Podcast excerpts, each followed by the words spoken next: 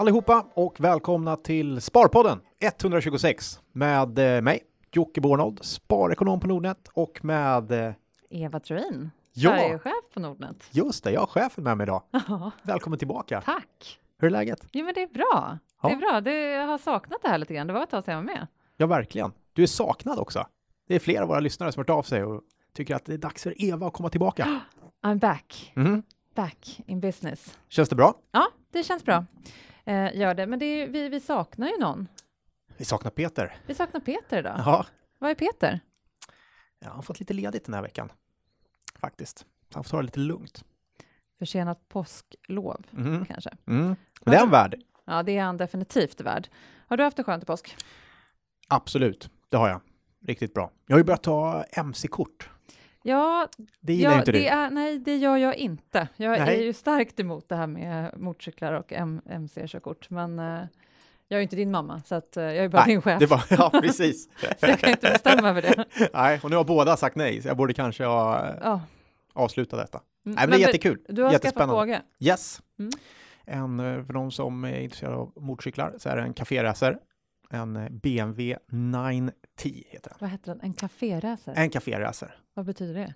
Ehm, um, nej, men det är en sån man åker ner till kaféet och äter en glass. Aha, det är en lite så här glidar? Ja, en liten glidarhoj. Okej, okay. fattar. Lite tuff. Ja, det ska vi inte gå in djupare på, för det kan inte jag uttala mig om. Men um, vad ska vi prata om idag? Eh, vi skulle kunna prata mc-försäkring. Ja. För den är en brutal kostnad kan jag säga. Så eh, hur ehm, tänkte du där? Eh, det fick bidragande orsak till att jag bytte motorcykel.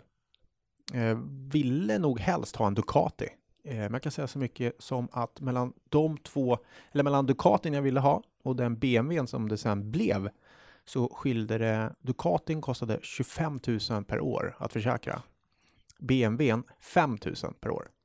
Eh, där, eh, som sparekonom så valde man då eh, med hjärna och inte med hjärta. Mm. Väldig skillnad. Så det är för de som är sugna på att börja åka motorcykel eller redan har motorcykel så kan det vara absolut värt att kolla på olika modeller, eh, men också mellan olika företag, eh, Mm. försäkringsbolag.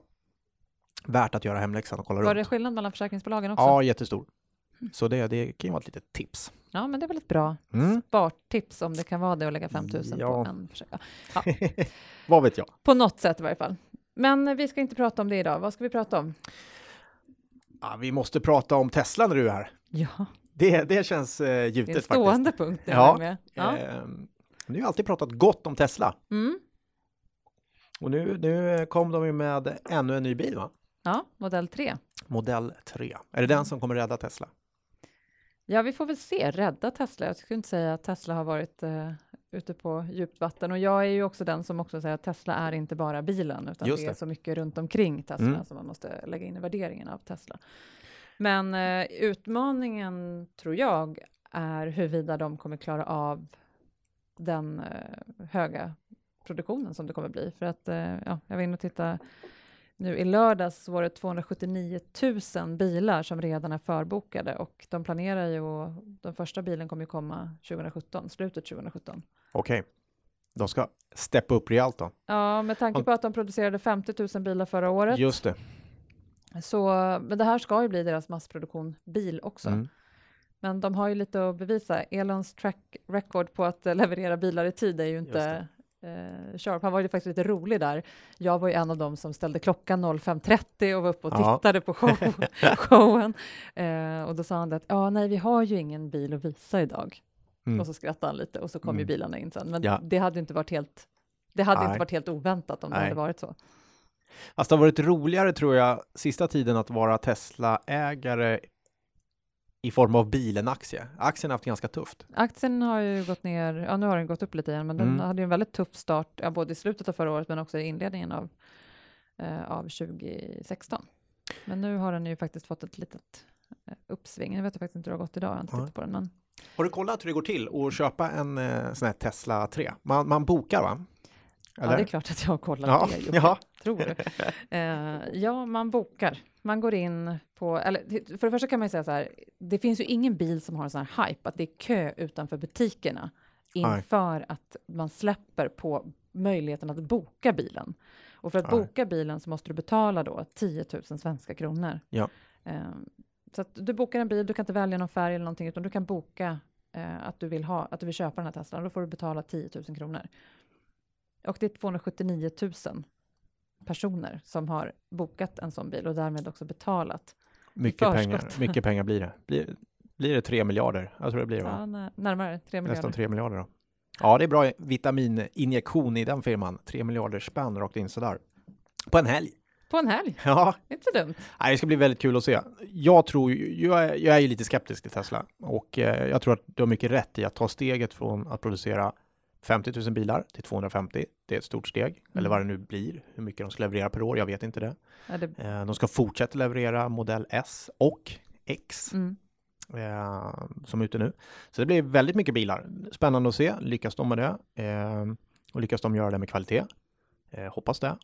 Eh, framförallt är ju de här bilarna kommer komma 2018. Det är om Ja. två år, va? kan man säga. Ja, Kanske slutet första 20, 17. Precis, men i Europa kommer vi inte se dem förrän 2018 tror jag. Vad finns det mer för elbilar då? Har, det är det man undrar. Kommer BMW, Audi, ehm, kommer de hinna komma ut med något som kan konkurrera? Eh, Mm, men det är väl det som är frågan. BMW kan jag tycka ligger ganska långt fram, eller alla håller väl på att titta på det här, men det som det pratas om nu är ju helt andra märken mm. som kommer komma med, med elbilar. Eh, jag, jag, jag gillar ju bilen också väldigt, Mm. väldigt mycket och det ska nog mycket till att du, du behöver göra någonting speciellt för att faktiskt konkurrera ut Tesla när den kommer till det här låga priset. Det är ett spännande industriprojekt i alla fall. Ja, Det, det tycker det- jag. Vi kan enas där. det kan vi enas ja. om. ja, det ska bli Vi jättespännande. kommer följa det noga. Mm. Har det hänt någonting på Nordnet då? Har vi några nya tjänster? De nya tjänster? Mm. Oj, eh, det har vi säkert. Jag tänkte faktiskt på eh, Ja, Peter tänkte, är inte här nu idag. tänkte jag på tjänster som är jobb, så Ja. jag började tänka, det är ju min roll ibland. Att det, ja. Precis. ja, men du, vi har ju faktiskt en ny tjänst som vi erbjudit våra kunder åt det Mm. hållet. Nu, Yes. så. Mm. Ja, den, eh, vi gick ut, eller snarare Svenska Dagbladet gick ut med pressmeddelande idag och eh, berättade om sin nya tjänst SvD Börs Plus med vår kära Peter Benson Mm. i spetsen. Ja, det är ju superskoj. Och eh, det här är ju jättespännande för att det här gör de faktiskt. Det är ju någonting som SvD Näringsliv har i samarbete med tillsammans med oss. Mm. Eh, Så att vi kommer från och med nu att kunna erbjuda analyser, digitala aktieanalyser från då Börsplus-redaktionen. Och den består ju av Peter Benson i spetsen, men också ett gäng erfarna eh, analytiker. Så gemensamt så, så har vi skrivit här 50 års gemensam erfarenhet. Eh, och det här tror jag kommer bli jättespännande, för vi kommer ju då publicera de här eh, på Shareville till våra kunder. Just det. Så att vi eh, tillgängliggör de här analyserna. Mm. Skoj. Mm. Och ehm, ja, det, det, jag tycker vi kan vi inte passa på att hylla Peter lite? Han är Ja, så verkligen. blygsam när han är här. Vi har liksom, han är ju flerfaldigt topprankad aktieskribenten skriver vi ju här i vårt blogginlägg. Jag tycker det- en, eh, det är coolt att vi får, får ha den här podden tillsammans med honom. Ja, också. verkligen. Det är, en, det är uppskattat. Det tycker jag är fantastiskt kul. Eh, att han har den tiden. Ja, Så Ja, det är men han- skojigt. han, har, han tar sig den tiden, ska jag säga. Mm. För att han Mm. tycker att det här är ett väldigt bra format att eh, bidra med kunskap och inspiration. Ja, så har vi rätt kul när vi gör det också. Ja, Ja. det är med. ja. Så Nej, det är kul. bra. Så att vi Väldigt passar roligt. på att hylla vår kära, kära kollega här i podden Mm. ehm, för, eh, ja, för det han har gjort och det han ska göra Det han ska göra. Absolut. Mm. Det ska bli jättespännande. Så gå in och kolla, in, kolla upp det. Det är, blev eh, officiellt idag på tisdagen spelar vi in på, nej på måndag är det. Det är måndag Det är idag. måndag idag, Ja. jag är helt fel ute. Måndag var det. I helgen kom det någon annan nyhet eh, som kanske inte var riktigt lika kul. Eh, I alla fall inte för våra konkurrenter. Nej. eller vår konkurrent, vår fin konkurrent inne på Hamngatan. Ehm, Panama-dokumenten släpptes. Ja. Ehm, Jag var inte heller helt nöjd, för jag köpte faktiskt Nordea aj, vad typiskt. med argumentet av att jag tyckte att det var den, den eh, mest intressanta av storbankerna eh, för eh, ja, någon vecka sedan här. Ska vi dra det helt kort så är det någon person på en advokatfirma eh, som är eh, belägen på, i, på Panama, i Panama, eh, som har läckt enormt mycket dokument. Eh, miljontals dokument. Ja, det var ju Eh, terabyte pratar man ju om. Ja, och en riktig jättefil. Och jag tror att det var Süddeutsche Zeitung bland annat som fick Mm. tag i den där först. Mm. Och eh, man har då via ett, ett, en eh, organisation för media så har man portionerat ut den här eh, filerna eh, geografiskt och eh, SVT har bland annat jobbat med de här filerna då och kommit fram till att Nordea var rätt aktiva med att jobba med den här firman Mm. och eh, sett till att kunder har kunnat skapa brevlådeföretag. Och då antar vi vill undanhålla skatt. Ja, det är väl syftet med det hela. Ja, det får man nog säga. Jag har svårt att se att det finns något annat syfte till att äga ett brevlådeföretag på Panama än att undanhålla skatt eller att tvätta pengar. Det är de två man kan komma på. Mm. Det finns ingen annan orsak och det är rätt anmärkningsvärt.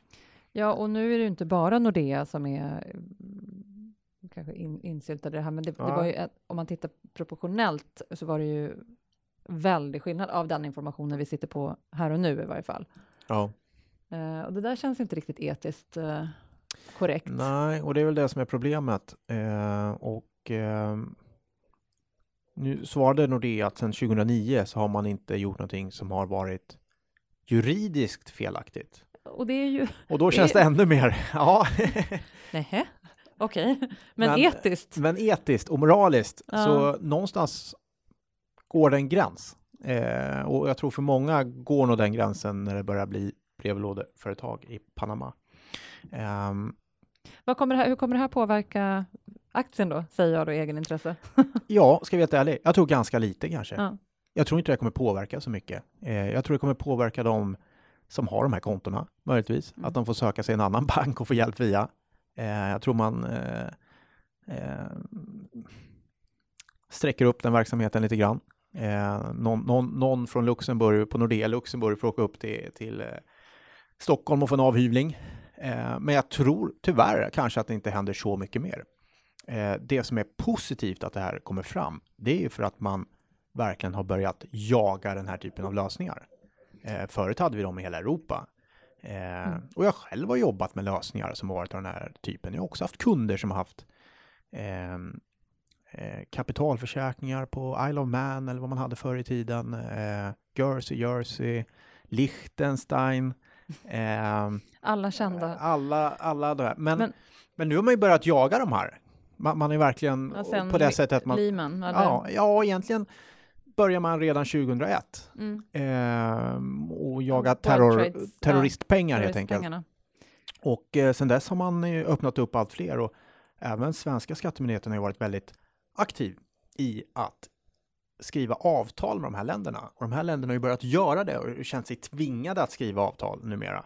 Och det har ju gjort att det finns inte så många skatteparadis kvar eh, röra sig kring och då har ju Mellan och Sydamerika blivit en sista tillflyktsort lite grann då. Mm. Eh, och nu är det någon som har läckt från just det här Panama. Och det verkar vara massiv, eh, det verkar vara hur många som helst som är involverade. Så att, Ja, men det är väl här- bra, det är positivt. Eh, det tycker jag. Sen kan man ju undra hur det är möjligt, men ja. Men det, finns, men det är väl bra att det uppdagas och att man rättar till det. Absolut. Eh, och det har ju också funnits möjlighet att göra det en längre period.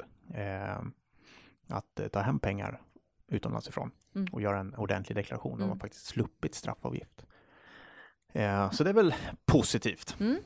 Ja, vi får se vad som händer med det där, men, Mm. men inte så stor på, påverkan. Det har inte hänt så himla mycket heller såg jag på, på aktien. Nej, jag tror inte det. Det är en begränsad del av Nordeas verksamhet. Det Mm. är en eh, mer ändå- en tråkig sak att eh, få på sitt... Eh, ja, jag tror de gladast just nu, det är nog Swedbank. Alltså, Jag tror de är supernöjda. För nu helt plötsligt... fokus försvann. Ja, fokus försvann. Helt plötsligt kan man andas i sumpan igen Ja. eh, och slippa drevet. Det Mm. tror jag. Nu är det någon annan bank att skylla på. Det är ju Ja. perfekt. Jag tror de är jätteglada. Faktiskt. ja, det känns lite stökigt bland våra storbanker, eller åtminstone de två just nu då. Ja, jag bara tänkte konstatera. Varför väljer man att starta en sån här? Det kanske är någon där ute som tycker det låter häftigt att ha ett brevlådeföretag på Panama. Eh, varför gör man det? Oftast, eh, det finns massa varianter, men de allra flesta är förstås att undvika skatt. Och det kan ju vara så att man har verksamhet utomlands eh, där man inte vill föra tillbaka pengarna in i Sverige eh, och gömma undan dem. eh, och ändå ha tillgång till dem.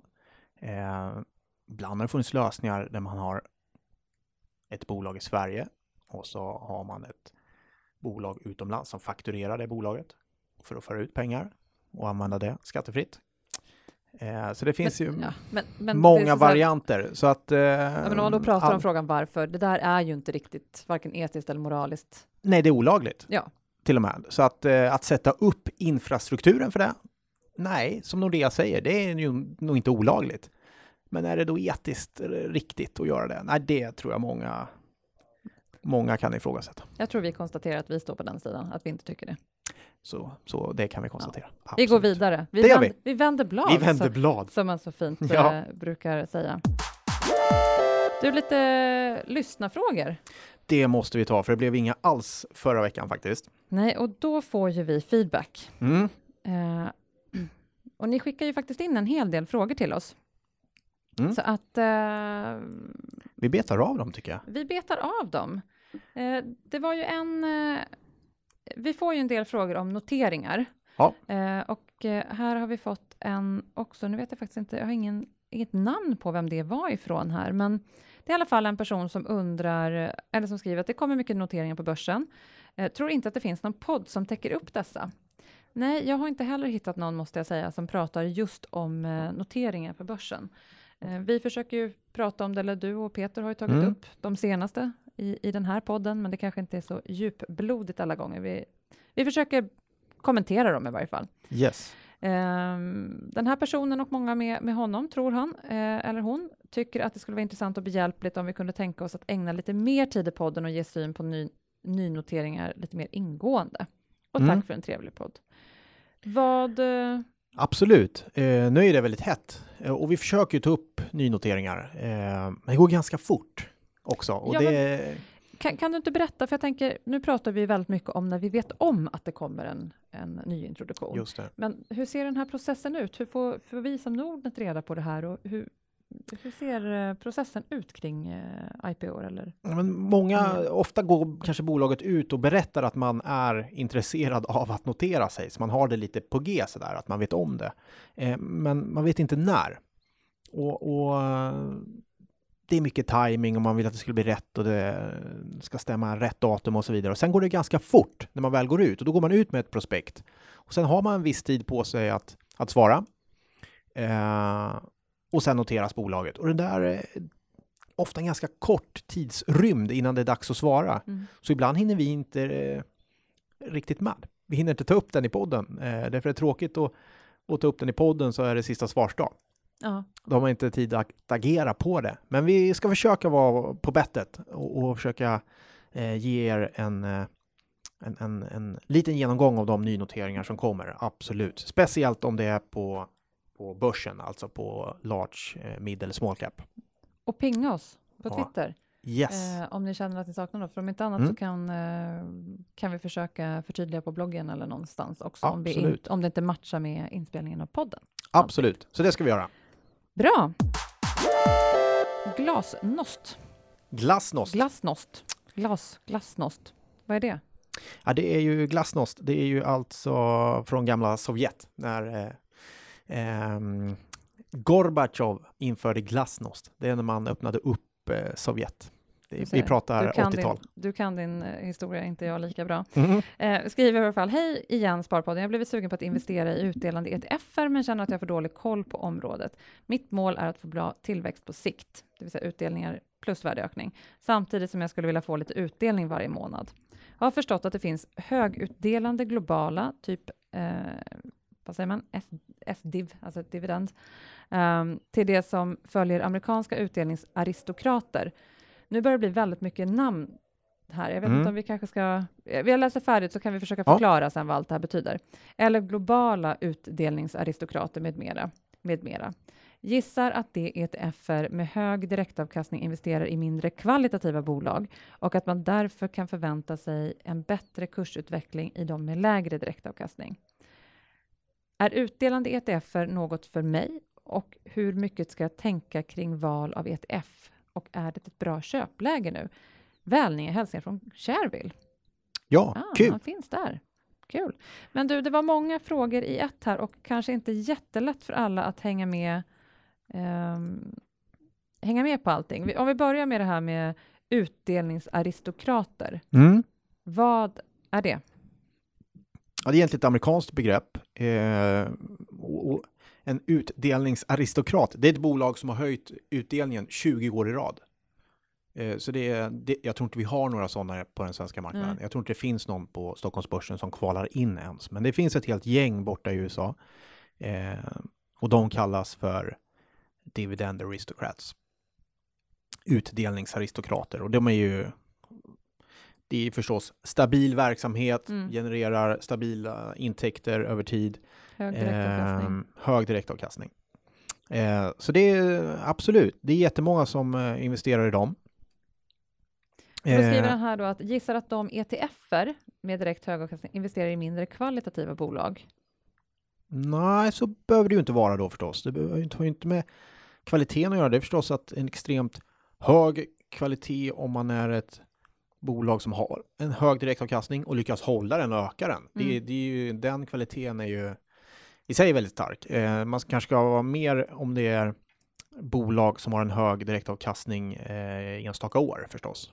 Det, då är det någonting helt annat. Mm. Men om det är den här typen av bolag som har det år efter år efter år, ja, då är det klart, det är ju högkvalitativa bolag som klarar av det. Eh, men Så vad tror du framåt då? Är det köpläge nu? Och sen undrar han ju om det här med utdelande ETFer är någonting för honom, eller hur ska man tänka? Ja, det kan det vara, absolut. Eh, får man ju läsa på lite mer och, och är det just något för honom hur han ska tänka? Ehm, ja, det vet jag inte förstås. Eh, jag vet inte hur hans portfölj ser ut eller framförallt inte hur hans... Det kan du kolla på ja, Shareville. på Shareville, det kan vi göra. Ehm, men framförallt, jag vet inte hur hans sparfilosofi är och vad han förväntar sig. Vad ska han tänka på? Ja, eh, går han in i amerikanska ETFer så har han en dollarexponering. Eh, den ska han definitivt tänka på. Mm. Eh, och är det bra köpläge just nu? Ja, det... Den här strategin är ju en tämligen långsiktig strategi. Eh, så att prata köpläge, nej, det är nog antingen hoppar man på den strategin eller inte någonstans. Mm. Eh, sen kan man man kan hålla några frågetecken kring lyckas de amerikanska bolagen som det nu blev lite fokus på här hålla den här vinstnivån? Ah, lite sådär. Det är en ganska låg investeringsnivå sista åren eh, och den kommer nog eh, tryckas upp. Man kommer behöva investera mer. Och du press, är pressat. Det pressar ner eh, vinsterna och eh, kanske också att man har löner eh, på väg upp. Eh, mycket prat om minimilöner som är betydligt eh, är definitivt på väg upp. Och vissa av de här bolagen kommer drabbas av det och så vidare. Så att, ja, det får man lite koll på. Eh, om man snabb prognos eh, så tror jag att det kanske blir lite tuffare att hålla den här höga direktavkastningen som man har just nu. Aristokraterna kommer ehm, minska, menar du? Ja, kanske. Mm. Kanske. Men en fin, eh, historiskt sett och säkert framöver, en, en fin eh, eh, sätt att eh, investera i aktier och, och hålla i bolag som ger bra utdelning. Sen är det jätteviktigt att komma ihåg återinvestera utdelningen. Annars, Ja. annars blir det ingen avkastning i den här strategin. Eh, ibland glömmer man det och tycker att det är roligare att köpa något annat för pengarna. Men det är när du återinvesterar dem som det blir en riktigt bra Mm. strategi och rätta fart. Vad bra. Ja. Det var ett eh, bra svar tycker jag. Hoppas att eh, du är nöjd. Alternativ investering eh, har en fråga och lite feedback. Mm. Eh, vi börjar med frågan. Skulle vara intressant om ni kunde ge er syn på kvantitativa investeringar. Enligt mig är det en intressant investeringsstrategi för småsparare som likt indexinvestering är relativt passiv och enkel men historiskt har överpresterat index, index med råge. Tänker främst på Dual Momentum och Magic Formula varav den första kräver tillsyn av 12 gånger per år i samband med månadssparande och den andra en gång per år och där datan finns tillgänglig på börsdata.se. Då. Så det, det är själva frågan. Sen ger han lite feedback och säger att eh, ni är lite eh, att ni är lite bättre pålästa inför de frågor när ni besvarar. Det är alltså feedbacken att vi borde vara det. Ja, Det låter lite som att ni precis före sändning har fått en bunt frågor från Eva som ni sedan läser för första gången och sedan försöker svara på. Tack för feedback tycker jag. Om det upplevs så tycker Mm. jag att det är bra att vi... Vad, vad, ja, vad säger vi? Eh, det dumma är att jag är lite dåligt påläst på den här frågan faktiskt. men eh, nej då, det, det, men ibland är det lite svårt att ge svar Man Mm. försöker ge bra eh, svar, men många av frågorna har faktiskt många ol- olika typer av svar att ge. Så att eh, det är lite svårt, det är lite klurigt helt enkelt. Och jag tror det lyser igenom lite ibland, att man försöker eh, tänka igenom någonting bra och så.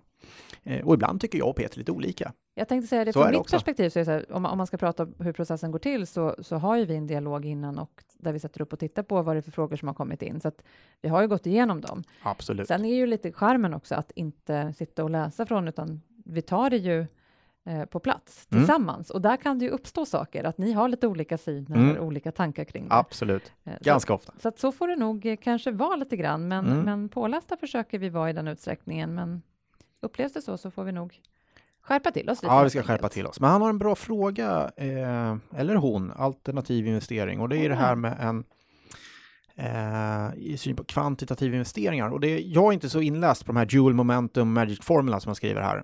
Eh, utan det, det får man nog läsa på själv då. Eh, men det handlar om hur man ska investera. Och här, eh, om vi tar dual momentum vet jag i alla fall att det handlar om eh, hur man ska spara. Och det är Det kan vara tre komponenter, att det är två index och en eh, ränte. Mm. Och eh, det handlar egentligen om historiskt eh, vart börsen är på väg.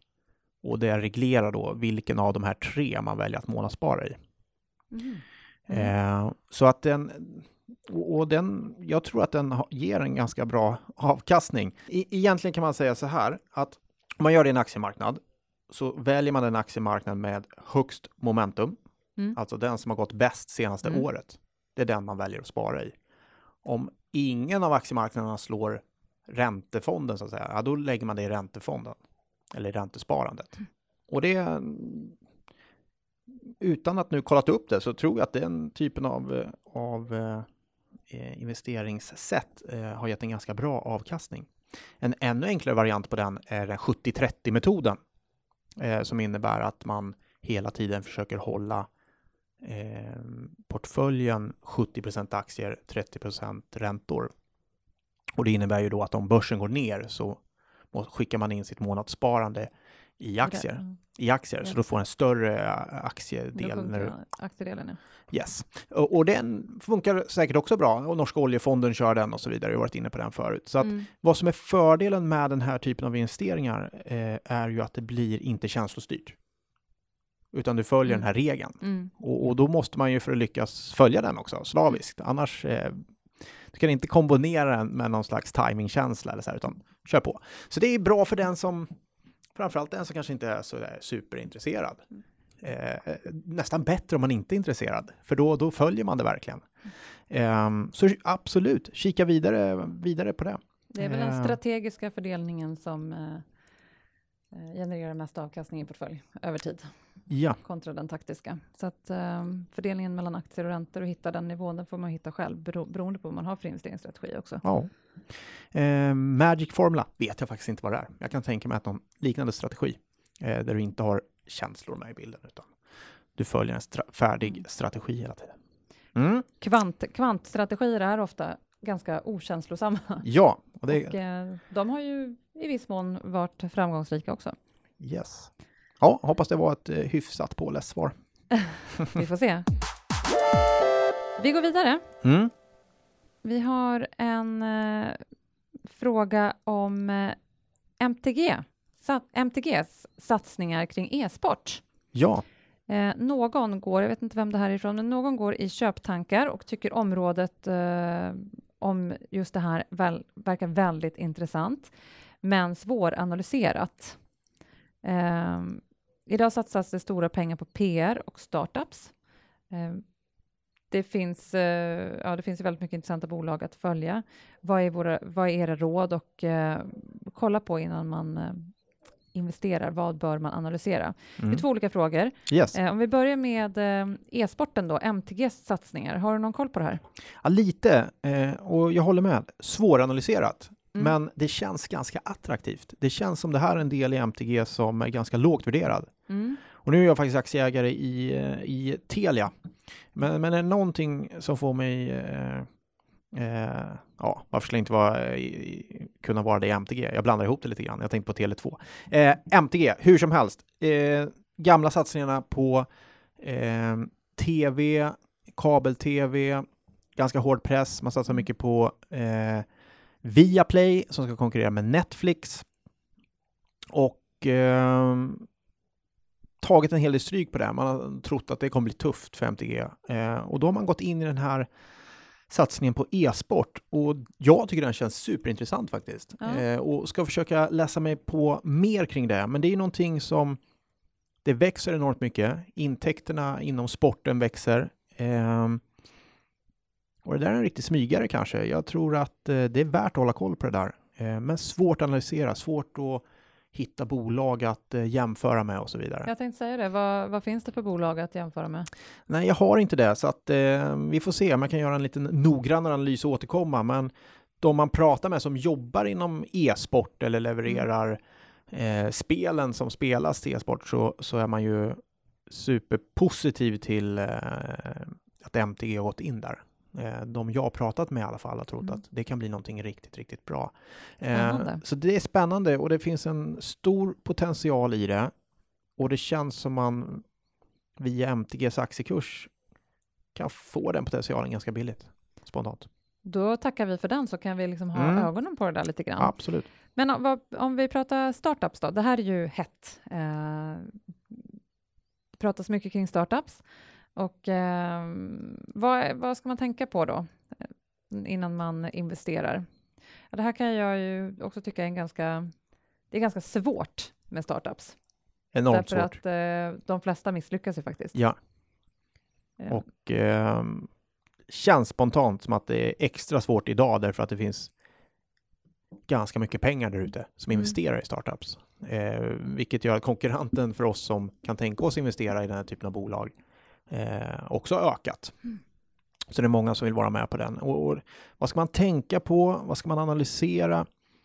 Ja, någonting att tänka på är ju att eh, man har ju ingen historik. Och då får man gå på historiken till de som är involverade i projektet. Eh, vad har de gjort tidigare och till vilket resultat? mm. Det är ju förstås jätteviktigt.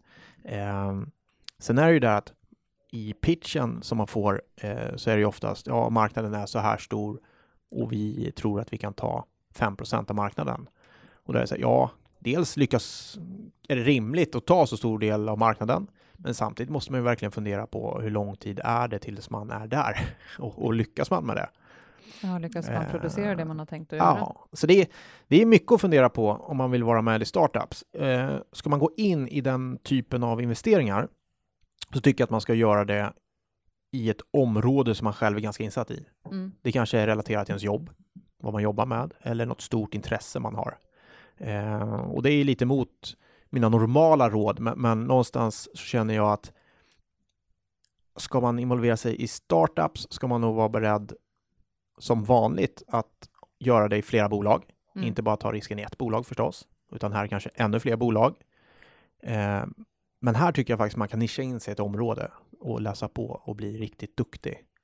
Eh, och ha en bransch som man investerar i eh, faktiskt. Eh, för det är väldigt svårt att sätta sig in i nya branscher, nya bolag hela tiden. Så om man ska lyckas, och många av de som lyckas håller sig oftast till en och samma bransch. Mm.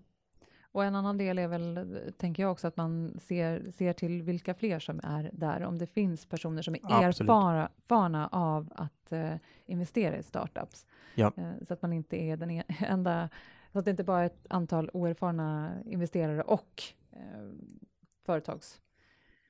Absolut. eller- Och sen får man läsa på och jaga och ringa och ring konkurrenter, ring till redan befintliga i branschen, ring till allt vad det kan vara. Var det krävs riktigt, ju lite mer eh, engagemang kanske ja, det i gör det, en det tycker jag. startup än vad det gör i... Och, och man får vara beredd, precis som allt, men, men eh, sannolikheten att, eh, att eh, det misslyckas är ju faktiskt högre bland Ja. startups än mycket annat. Och eh, annars blir det lätt ett lotteri. Så att, eh, ja, mycket Men hemläxa. spännande och kul. Jättespännande, häftigt. Du, sista frågan tror jag här. Eh, tror jag faktiskt att vi har. Vi, det här kommer från en trogen lyssnare sedan Jan och Günthers tid. Stora skor att fylla, men eh, får säga att ni lyckas rätt så bra. Ja, tack för det. Det tackar vi för. Och det är Krille Krokodil Mhm. som ställer frågan. Och han har bestämt sig för att byta storbank då, är, då han är missnöjd med sin eller hon, men missnöjd med sin nuvarande. Mm. För närvarande har han eller hon lönekonto och bolån på storbanken och sparar hos en nätmäklare. Jag hade helst sluppit storbank, men man måste ha sitt lönekonto någonstans. När jag byter bank är jag skyldig att berätta om mitt kapital som jag har hos nätmäklaren. Är det bra eller dåligt att göra det? Föreställer mig att eh, de vill att jag för över kapitalet till deras bank för att ge mig en bra rabatt. Det kanske är lite bättre att låta bli att berätta om mitt kapital och söka bol bolån hos SBAB istället för storbanken. Um, om de inte är sugna på att ge mig någon bra rabatt. Tack för en bra podd. Mm. Tack för att du lyssnar. Eh, nej, man har inte skyldighet att göra det. Eh, men visst kan det hjälpa till i, i förhandlingen om man, om man har ett, ett eh, sparat kapital. Eh, sen är det väl en annan sak om man verkligen ska föra över det. Ja. Eh, det vill vi ju inte förstås. Nej, det vill inte vi. Men generellt så tycker jag att det, det har ju blivit vanligare och vanligare. Det märker vi också bland de som är kunder hos oss och eh, eftersom vi bara erbjuder sparande. Ja. Men vi ser också globalt att trenden går att man mer plockar det som är bäst för en själv. Mm. Eh, det här med att samla allt hos en bank blir eh, mindre och mindre vanligt, utan man, man, man cherry pick brukar vi prata om, att man, man väljer liksom russinen ur kakan. Ja, för sina placeringar man vill, vill man ha den aktören som är bäst eh, på det. Eh, för bolånen vill man bäst, välja den som är bäst för det och så vidare. Eh, I Sverige har vi väl inte riktigt kommit så långt än, utan då är det fortfarande storbankerna som står för en, en, en hel del, men vi börjar ju se mer och mer framförallt kanske sparandet då också, men tittar vi på SBAB så har ju de väldigt, väldigt många bolånekunder också, Mm. som har valt SBAB enbart för, eh, för bolånet. Ja. Eh, så att jag tror att det här är en fas som bankerna måste ta sig igenom, att de kan inte förvänta sig att kunderna kommer samla allting hos dem. Det som jag tycker man kan göra om man får frågan om kapital, jag tycker att man ska berätta vad man har för kapital. För det gör ju eh, att man blir mer intressant som kund. Ja. Om man har kapitalet Absolut. även för banken, även om man inte har det hos banken. Ja. Eh, Så kan de ju få jaga det lite grann. Mm. Och eh, det är klart att om de kan möta upp på alla villkor. Och hittills har Ja. jag inte haft eller pratat med en kund som har fått en storbank att möta upp på, på de villkoren vi har när det kommer till sparandet. Eh, Och då är det ju ganska enkelt att säga att ja, men då finns det ju ingen anledning att man ska flytta det heller. Nej. Nej, men det är ju sant. Jag menar, ja, får man en bra, får man en bra deal så eh, varför inte? Men oftast, och det tycker jag, om man ska ha koll på någonting här eh, där det kan bli dyrt och man kan eh, kika på så är det just flytt av eh, pensioner kanske. Mm. För där kan det bli väldigt dyrt och, och eh, den är inte helt ovanlig att man vill kanske kolla över det. Så, ja, men den här är flyttbar, en gammal tjänstepension eller Ehm, och kika igenom det då, hur mycket det kommer kosta dig att få den här lilla rabatten på bolånet mot vad det kostar dig i avkastning i din tjänstepension som du flyttar över, om det nu är så att den blir dyr, för att det, det kan slå stenhårt. Så att eh, Och, och det ska man ha koll på. Men sen visst, får en bra deal och det är väl skönt allting samlat om det är. Ja, men och den, det. den där kan vi ju prata ett tag om. Jag ska Mm. försöka hålla mig kort när det gäller den. Ja. Eh, men just vad det gäller flyttavgifterna så är det, menar, du blir inte av med den även om du skulle flytta till ett billigare alternativ. Men, men det man måste vara uppmärksam på är att det, den aktören du tänker flytta till, säkerställ att den inte låser in dig Ja, i en ny lösning, så att du får Just det. betala ytterligare om du faktiskt vill ur därifrån. Ja. För hela flytt, pensionsflyttsprocessen är extremt eh, gammalmodig. Och kostnaderna för att flytta är helt omotiverade. Att, att du ska betala liksom flera hundratusen kanske för att flytta ditt kapital. Ja. Eh, om du har mycket pengar, kontra att Mm. betala kanske 500 kronor om du har lite kapital. Den administrativa bördan för att flytta flera miljoner eller att flytta lite kapital kan inte vara en skillnad. Nej. Så det är ologiskt på hur mycket pengar man kan ta ut. Och det har ju med den här inlåsningseffekten att göra. Så säkerställ att eh, det inte är en inlåsning dit du flyttar och se till att du inte har avgifter i själva skalet, det vill säga i tjänstepensionslösningen. Eh, för att det, det suger avkastning över tid. Yes. Och se till att ta in offerter, ring runt, Ja, ta ett bud, ring vidare till nästa bank och så vidare. När det gäller lånet. När det gäller lånet. Ja. Eh, Men kolla, egentligen varför ska man inte agera likadant när det gäller sparandet? Nej. Det är lika viktigt. Se Yes. över Jag har ju ett bolån som jag gärna flyttar om det är någon banktjänsteman som är eh, intresserad där ute och ger ett bra bud så har jag, har ett schysst eh, bolån som är, är flyttbart. Hur mycket kapital har du? Ja, vi får se. Vi får se. där. Ja, Okej, finns det någon där ute som är sugen på Jockes eh, lån så hör av er. Yes. Och vad kan man eh, kontakta dig någonstans då? Kanske inte bara om bolån utan eh, Eh, frågor i, generellt? Twitter funkar alldeles utmärkt. Där Mm. finns jag nästan alltid. Eh, på Jocke Nordnet. Och Toppen. du finns på, Eva Nordnet. jajamän. Och så har vi Benson också. Ja, han heter PTR under eh, streck Benson, tror jag. Toppen, han, Benson. han har något konstigt. Sök på Benson dyker han upp. Absolut. Bra, och så har vi bloggen också där ni jättegärna får gå in Ja. och ställa frågor och eh, kommentera. Och bloggen är bra på så sätt, precis som Twitter, att eh, andra kan ta del av de svaren och de Yes. frågorna ni ställer. yes. Tack så mycket för att ni lyssnade. Ja, det här var tack. Sparpodden 126 och eh, den som gör att ni kan lyssna på det här, det är Najara Seara. Tack så mycket. Najara. Tack för idag. Hej då! Hej!